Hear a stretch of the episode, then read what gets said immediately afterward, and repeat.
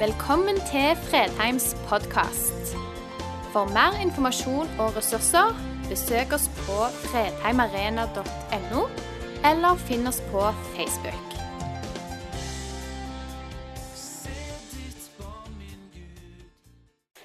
Vi er i en periode i vekst. Er dere klar over det?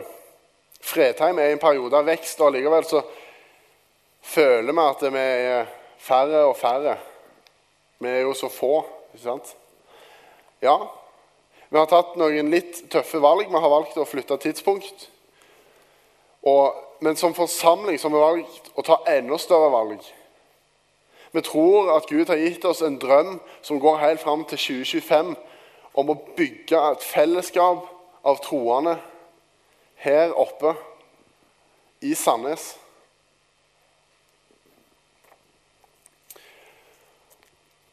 Og da er det én ting som gjelder, og det er relasjon.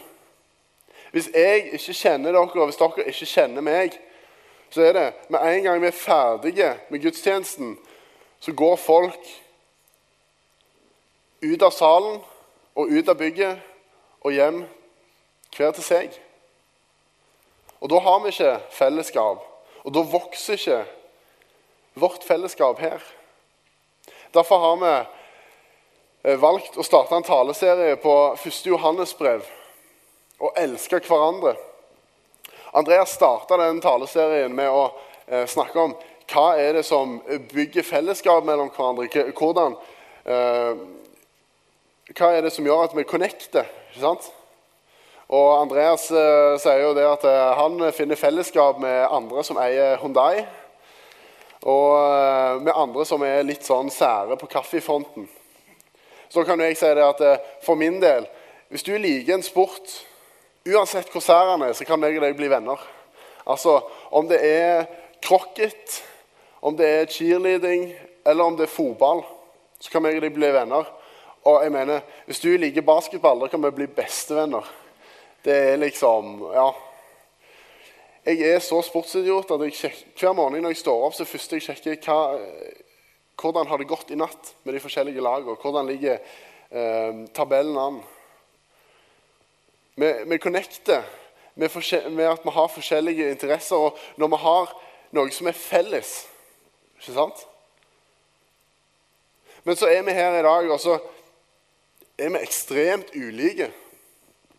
Så kan det være at det er noen i den salen her som jeg ikke har en eneste felles interesse med. Det kan være noen her som, som Vi har ingen fellesinteresser. Og allikevel så kommer vi sammen her i dag, og så har vi fellesskap. ikke sant? Jeg, om jeg kan få den der klikkegreia, det glemte jeg å få. Men menighet, det er annerledes.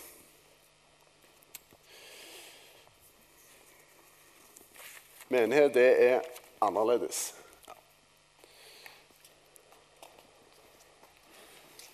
Tusen takk. Vi leser i, eh, som Runa hadde til prekentekst på NRK-gudstjenesten. Men dersom vi vandrer i lyset slik Han selv er i lyset, da har vi fellesskap med hverandre. Og blodet fra Kristus, Hans sønn, renser oss fra all synd.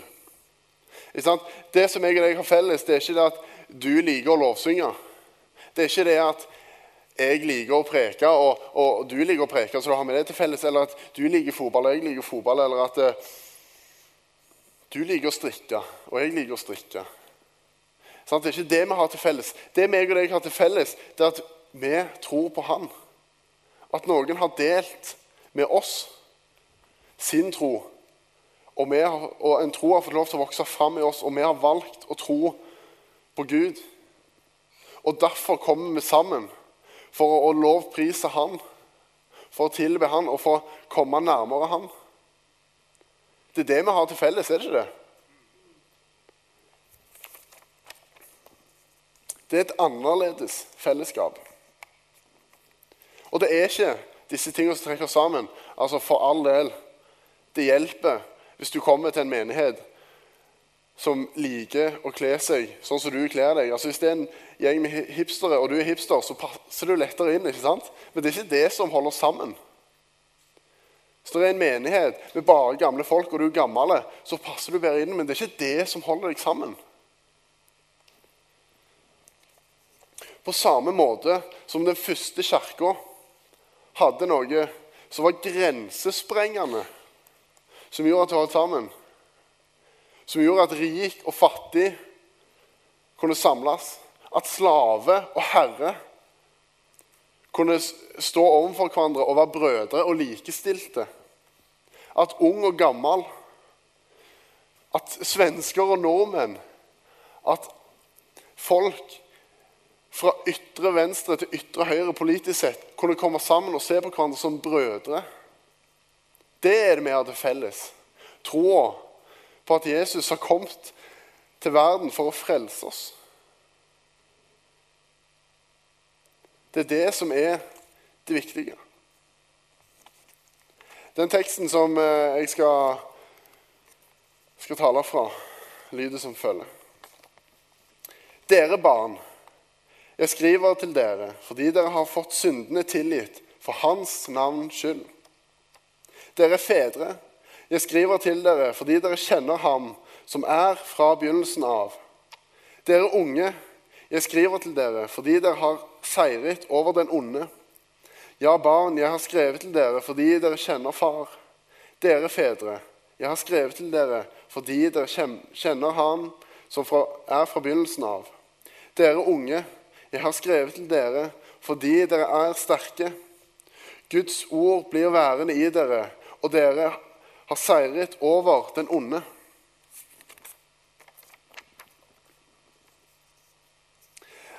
Det er helt påfallende at Johannes her skriver med alderskategorier. ikke sant? Han har unge, så har han fedre, og så har han ja, altså han har barn, og så har han fedre, og så har han de unge. Og så tenkte jeg ok, vi, vi må sette det litt i perspektiv. Mener han da fysisk små unger, voksne menn og de som er liksom imellom barn og voksen? da? så finner vi eh, fra Johannes-evangeliet når eh, Jesus snakker med Nikodemus, så sier han Sannelig, sannelig, sier jeg deg, den som ikke blir født på ny, kan ikke se Guds rike. Jeg tror ikke nødvendigvis at Johannes snakker om det som, som om det faktisk er den fysiske alderen som gjelder. Vi finner det samme i Paulus. Så sier Paulus til korinterne Melk ga jeg dere å drikke, ikke fast føde, for det tålte dere ikke. Altså, Både Jesus og Paulus og Johannes forteller til oss på en måte for å beskrive vår tilstand i alderskategorier. Men Jesus sier det at hvis du ikke blir født på ny, og det vil si at en som er 80 år, er også nødt til å bli født på ny og bli et barn igjen. Og en som er Altså fedre, Det greske ordet for fedre er bare maskulint og eh, i flertall, som betyr foreldre. Så han har liksom dekt over alle. Så la oss ta oss for det for oss. Men hvem er barna? Jo, barna det er jo de som er nyfrelste. Når du, tar, når du tar dine første steg i tro, så blir du igjen som et nyfødt barn. Man er avhengig av Gud på alle områder. Men så er det òg det at det som er veldig typisk, er at de har en ekstrem glede og en ekstrem entusiasme. Og på samme måten som et lite barn så er det ingen som er bedre enn far. Er det noen her inne som har jobbet i barnehage? Ja, det er noen. Og det er én ting som er veldig typisk for ungene, og det er at foreldrene de står så høyt hos disse ungene, altså hos ungene. De bare elsker foreldrene sine, og de snakker om dem hele veien. Og Hvor mange her kan huske tilbake til en eller annen gang når de var unge, så var det Min pappa er sterkere enn din.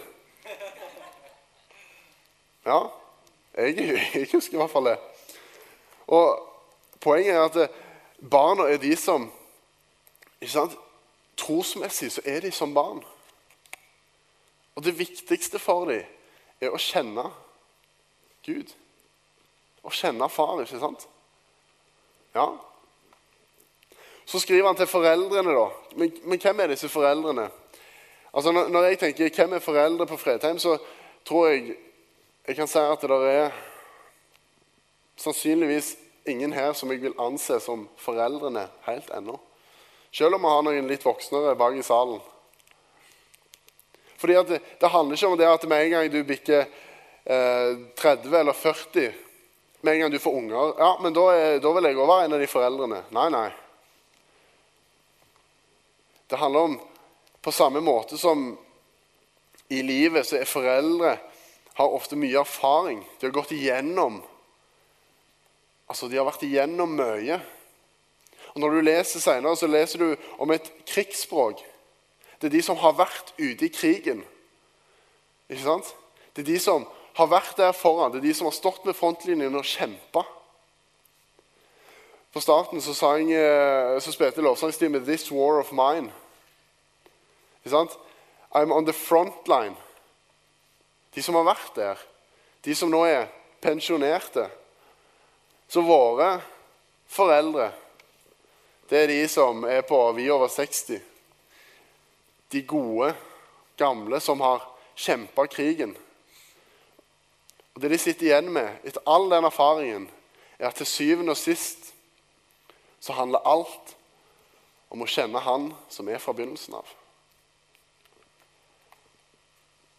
Etter alt de har vært igjennom, så handler det om å kjenne Gud. Om å være ett med Han, og at Jesus lever i oss. Og jeg tror På, på et eller annet tidspunkt så skal vi òg komme der. Men vi må innse det sjøl. Det nytter ikke at jeg forteller det, for jeg er ikke der helt ennå. Altså, vi er de unge. Han snakket til oss sist fordi det er vi som skal ut i frontlinja. Det er vi som skal ut og kjempe kampen. Johannes skriver fordi dere har beseiret den onde. Dere har seiret over den onde. Men kampen står ennå. Men han er allerede vunnet fordi vi har Jesus. Men meg og deg vi er ikke ferdige med vår gjerning fordi Gud har en plan for livene våre. Han ønsker at vi skal stå opp for rettferdighet. At vi skal stå opp for de som har det dårligere enn oss sjøl, for de som har det vondt. Jesus sier det dere gjør mot den minste av disse, det dere mot, har dere gjort mot meg. De er det vi skal kjempe for. Og vår gjerning den er ikke ferdig før vi ikke klarer mer. Det er nå vi har tid, det er nå vi har energien, det er nå vi har Vi er grunnfesta nok til å kunne stå trygt i denne her og kjempe mot de som står imot oss. Fordi vi vet det, at når Guds ord er på ferde, så er det noen som jobber imot oss. Den kampen har han vunnet for oss allerede, men vi er nødt til å stille opp. Vi er nødt til å tørre å ta tak i det. Når noen vil trykke ned, så må vi løfte opp. Vi må stå imot. Det er oss. Dette er vår tid. Så hva er det som hindrer oss? Hva er det som hindrer oss fra å gå ut til verdens ender med ord om Jesus Kristus?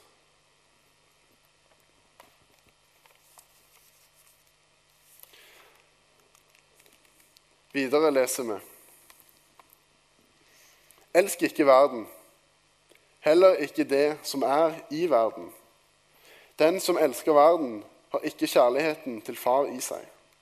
For alt som er i verden, kroppens begjær, øynenes begjær og skrytet av alt en eier, det er ikke av far, men av verden.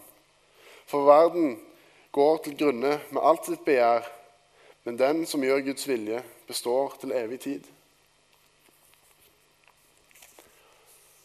Så er det sånn at eh, Kirka har tatt dette så bokstavelig at de har prøvd å skjerme oss fra alt.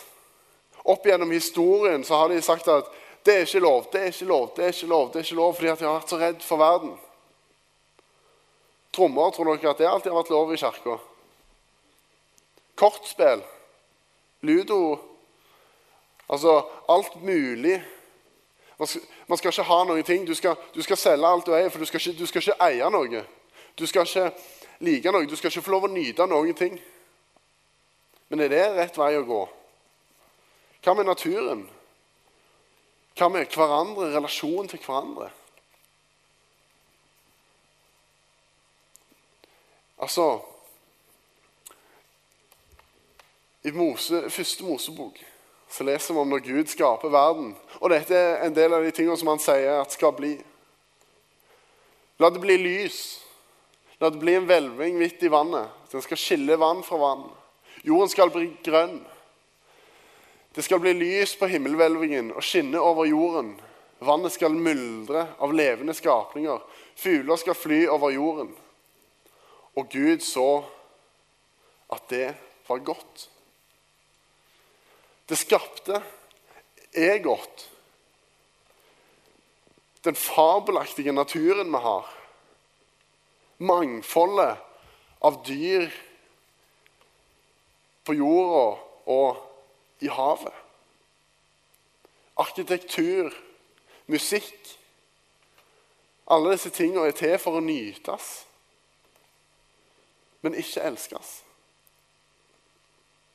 Faren er at vi, vi går for å elske det skapte istedenfor skaperen.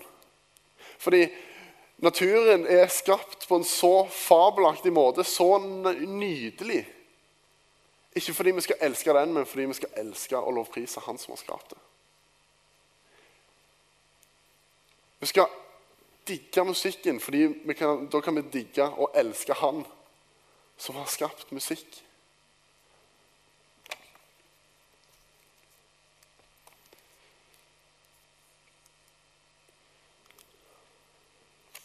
Så er det det at eh, vi skal, vi skal liksom være annerledes likevel enn alle andre.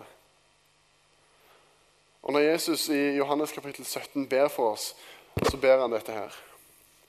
Jeg ber ikke om at du skal ta dem ut av verden. Men jeg ber om at du skal bevare dem fra det onde. De er ikke av verden, slik jeg ikke er av verden. Hellige dem i sannhet. Ditt ord er sannhet. Og du har sendt meg til verden. Som du har sendt meg til verden, har jeg sendt dem til verden.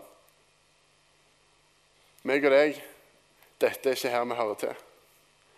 Dette er et pitstop før evigheten, før himmelen. Men allikevel så er vi her. Og det er en plan med at meg og deg er her. Vi skal være annerledes. Vi skal være i lyset. For vi skal elske skaperen og ikke det skapte, sånn som verden gjør. Det, men hva betyr det da å elske verden? Altså Jeg er serienarkoman. Jeg elsker å se på serier. Altså, Film er, film er vel og bra, men der har du toppen. To og en halv, kanskje tre timer til å fortelle en ekstremt lang historie, sant? men en serie der kan du komme tilbake igjen og tilbake igjen. og tilbake igjen, fordi de har jo så mye mer tid å fylle opp. Men du vet når du ser den serien, så tenker du Dette er jo egentlig ikke så bra å se. Altså, Når du ser på Game of Thrones, og du ser hovene rulle og eksplisitte sexscener og nakenscener i fleng og tenker dette er jo egentlig ikke bra for meg.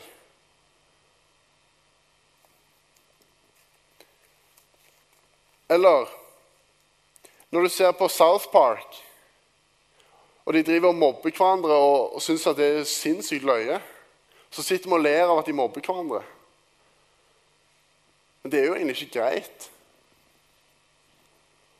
Skam Trenger jeg å si så mye om det? Eller Det er så mange serier som vi, som vi ser på, som vi lar påvirke oss. For fakta er det at når du utsetter deg sjøl for noe, så lar du det òg påvirke deg. Du kan si at jo, jo, men selv om, jeg, selv om det er litt nakenscener, så det, det, det, går bra. det. Jeg blir ikke påvirka av det. Ja vel, fortsett å lyve til deg sjøl. Det er helt greit. Sånn, vi skal være i denne verden, men vi skal ikke være av denne verden. Så hvorfor lar vi denne verdens regler styre hvordan vi tenker og lever?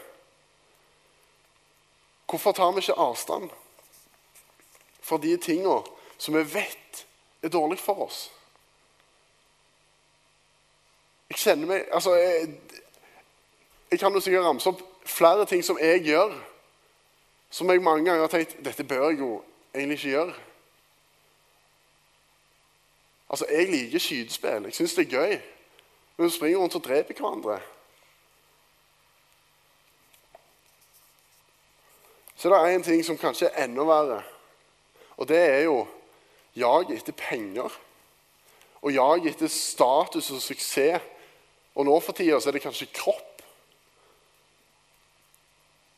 Og så er det, når, jeg møter nye, spesielt par, så er det ofte sånn Ja, hvor, hvor er det dere bor? Ja, jeg bor på Hana. Å ja, ja, har dere kjøpt? Nei, nei, jeg har jo ikke det. Jeg bare leier.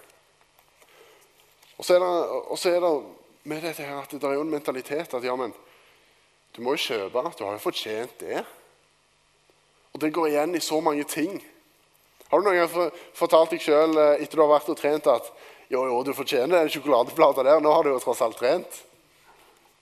Eller når du har eh, jobba mye overtid, så går du ut og kjøper Du har planlagt å kjøpe en TV, men så bruker du 7000 mer fordi du har jo, du jo jobba så mye, så du fortjener jo det.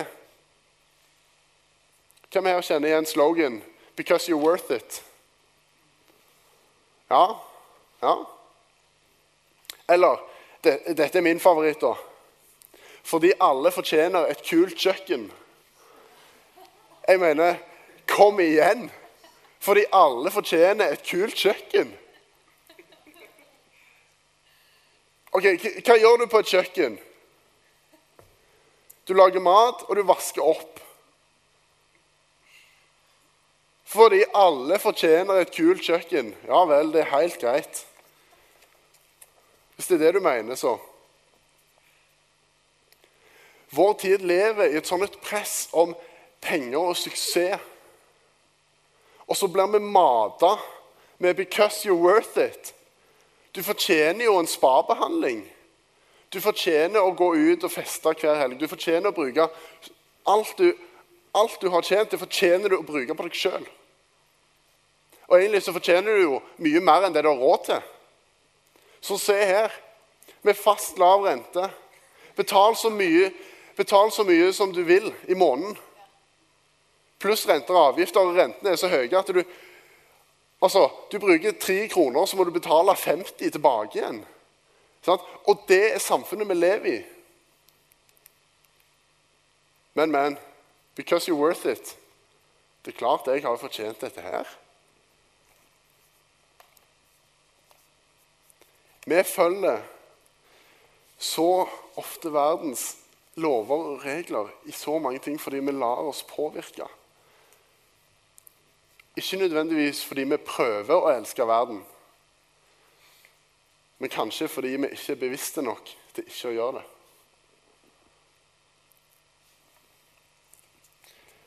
Jesus er helt klinkende klar i sin tale. Ingen kan tjene to herrer.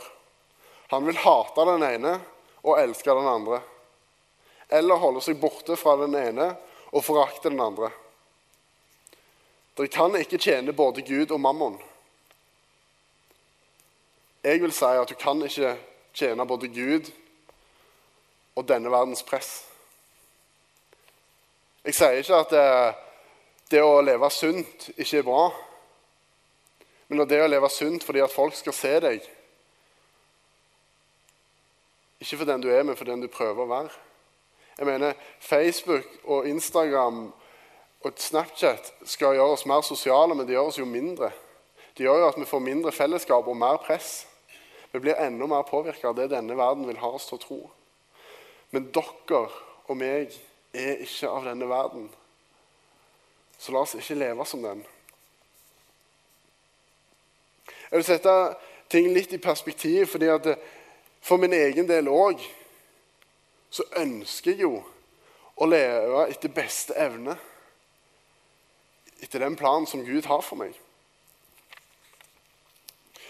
Og det er, er, et ordtak som, som sier det at det, eh, de største gavene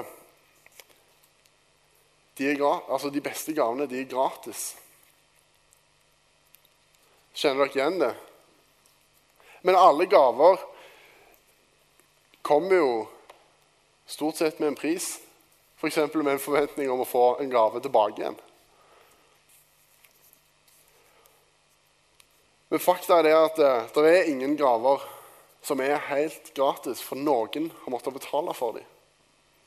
Og Jeg satt og googla litt og eh, greier ikke helt å komme, huske på hva det var jeg faktisk skulle google. Men, eh, men så kom jeg over Jarle Mong, som har en sånn blogg. Kan være noen av dere har vært innom den. Skriver om tro og livet og alt mulig. Så sier han en fin ting, og det er at eh, Eh, det handler ikke om, om, hva du fortjener, og det handler ikke om hva du tar deg. fordi han sier dette Jeg tok meg ikke en god kone. Jeg fikk en god kone. Og det, det kan jeg stille meg bak. Jeg har ikke bare sagt at du, Katrine Nå er meg og deg gift. Sånn. Du er bra kone. Nei, nei. Jeg var heldig nok til å få en god kone. Og den viktigste den aller viktigste gaven som meg og deg har fått, og som meg og deg kan gi videre. Det er det som gjør at vi samles her i dag. Fellesskap med Jesus Kristus og fellesskap til hverandre. Det er en gave som gir og gir, og som aldri slutter. Det er et løfte om at meg og deg vi skal aldri dø. Jo, vi skal dø fra den kroppen vi har her. Vi skal dø fra jorda. Men så skal vi leve igjen i evighet med Han som har skapt oss. Elsk ikke verden, fordi at verden går til grunne. Ikke sant? For verden går til grunne med alt sitt begjær. Man kan jobbe og jobbe, man kan være onkel Skrue som sparer på hver tiøre. Du skal ha rabatt på alt. Og til syvende og sist så sitter du igjen med ingenting. Fordi det eneste som egentlig betyr noe her i livet, det er min og din relasjon til Jesus. Og den gaven som han har gitt oss, den koster Gud alt.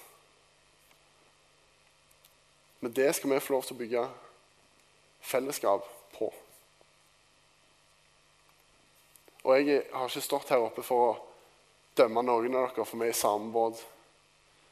Men vi kan La Jesus ro båten i rett retning istedenfor å ro vekk.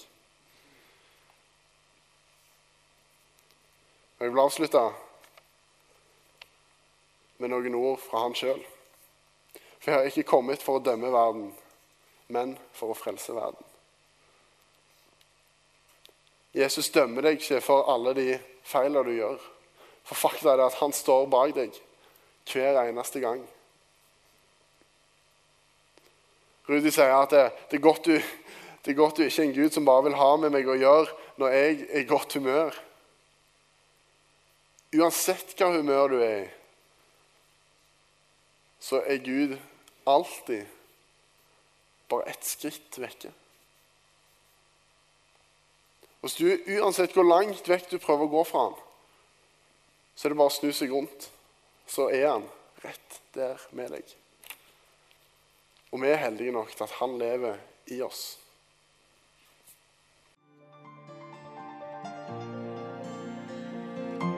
Takk for at du valgte å høre på. Nye opptak legges ut hver uke. Vi har gudstjenester hver helg, og du er hjertelig velkommen.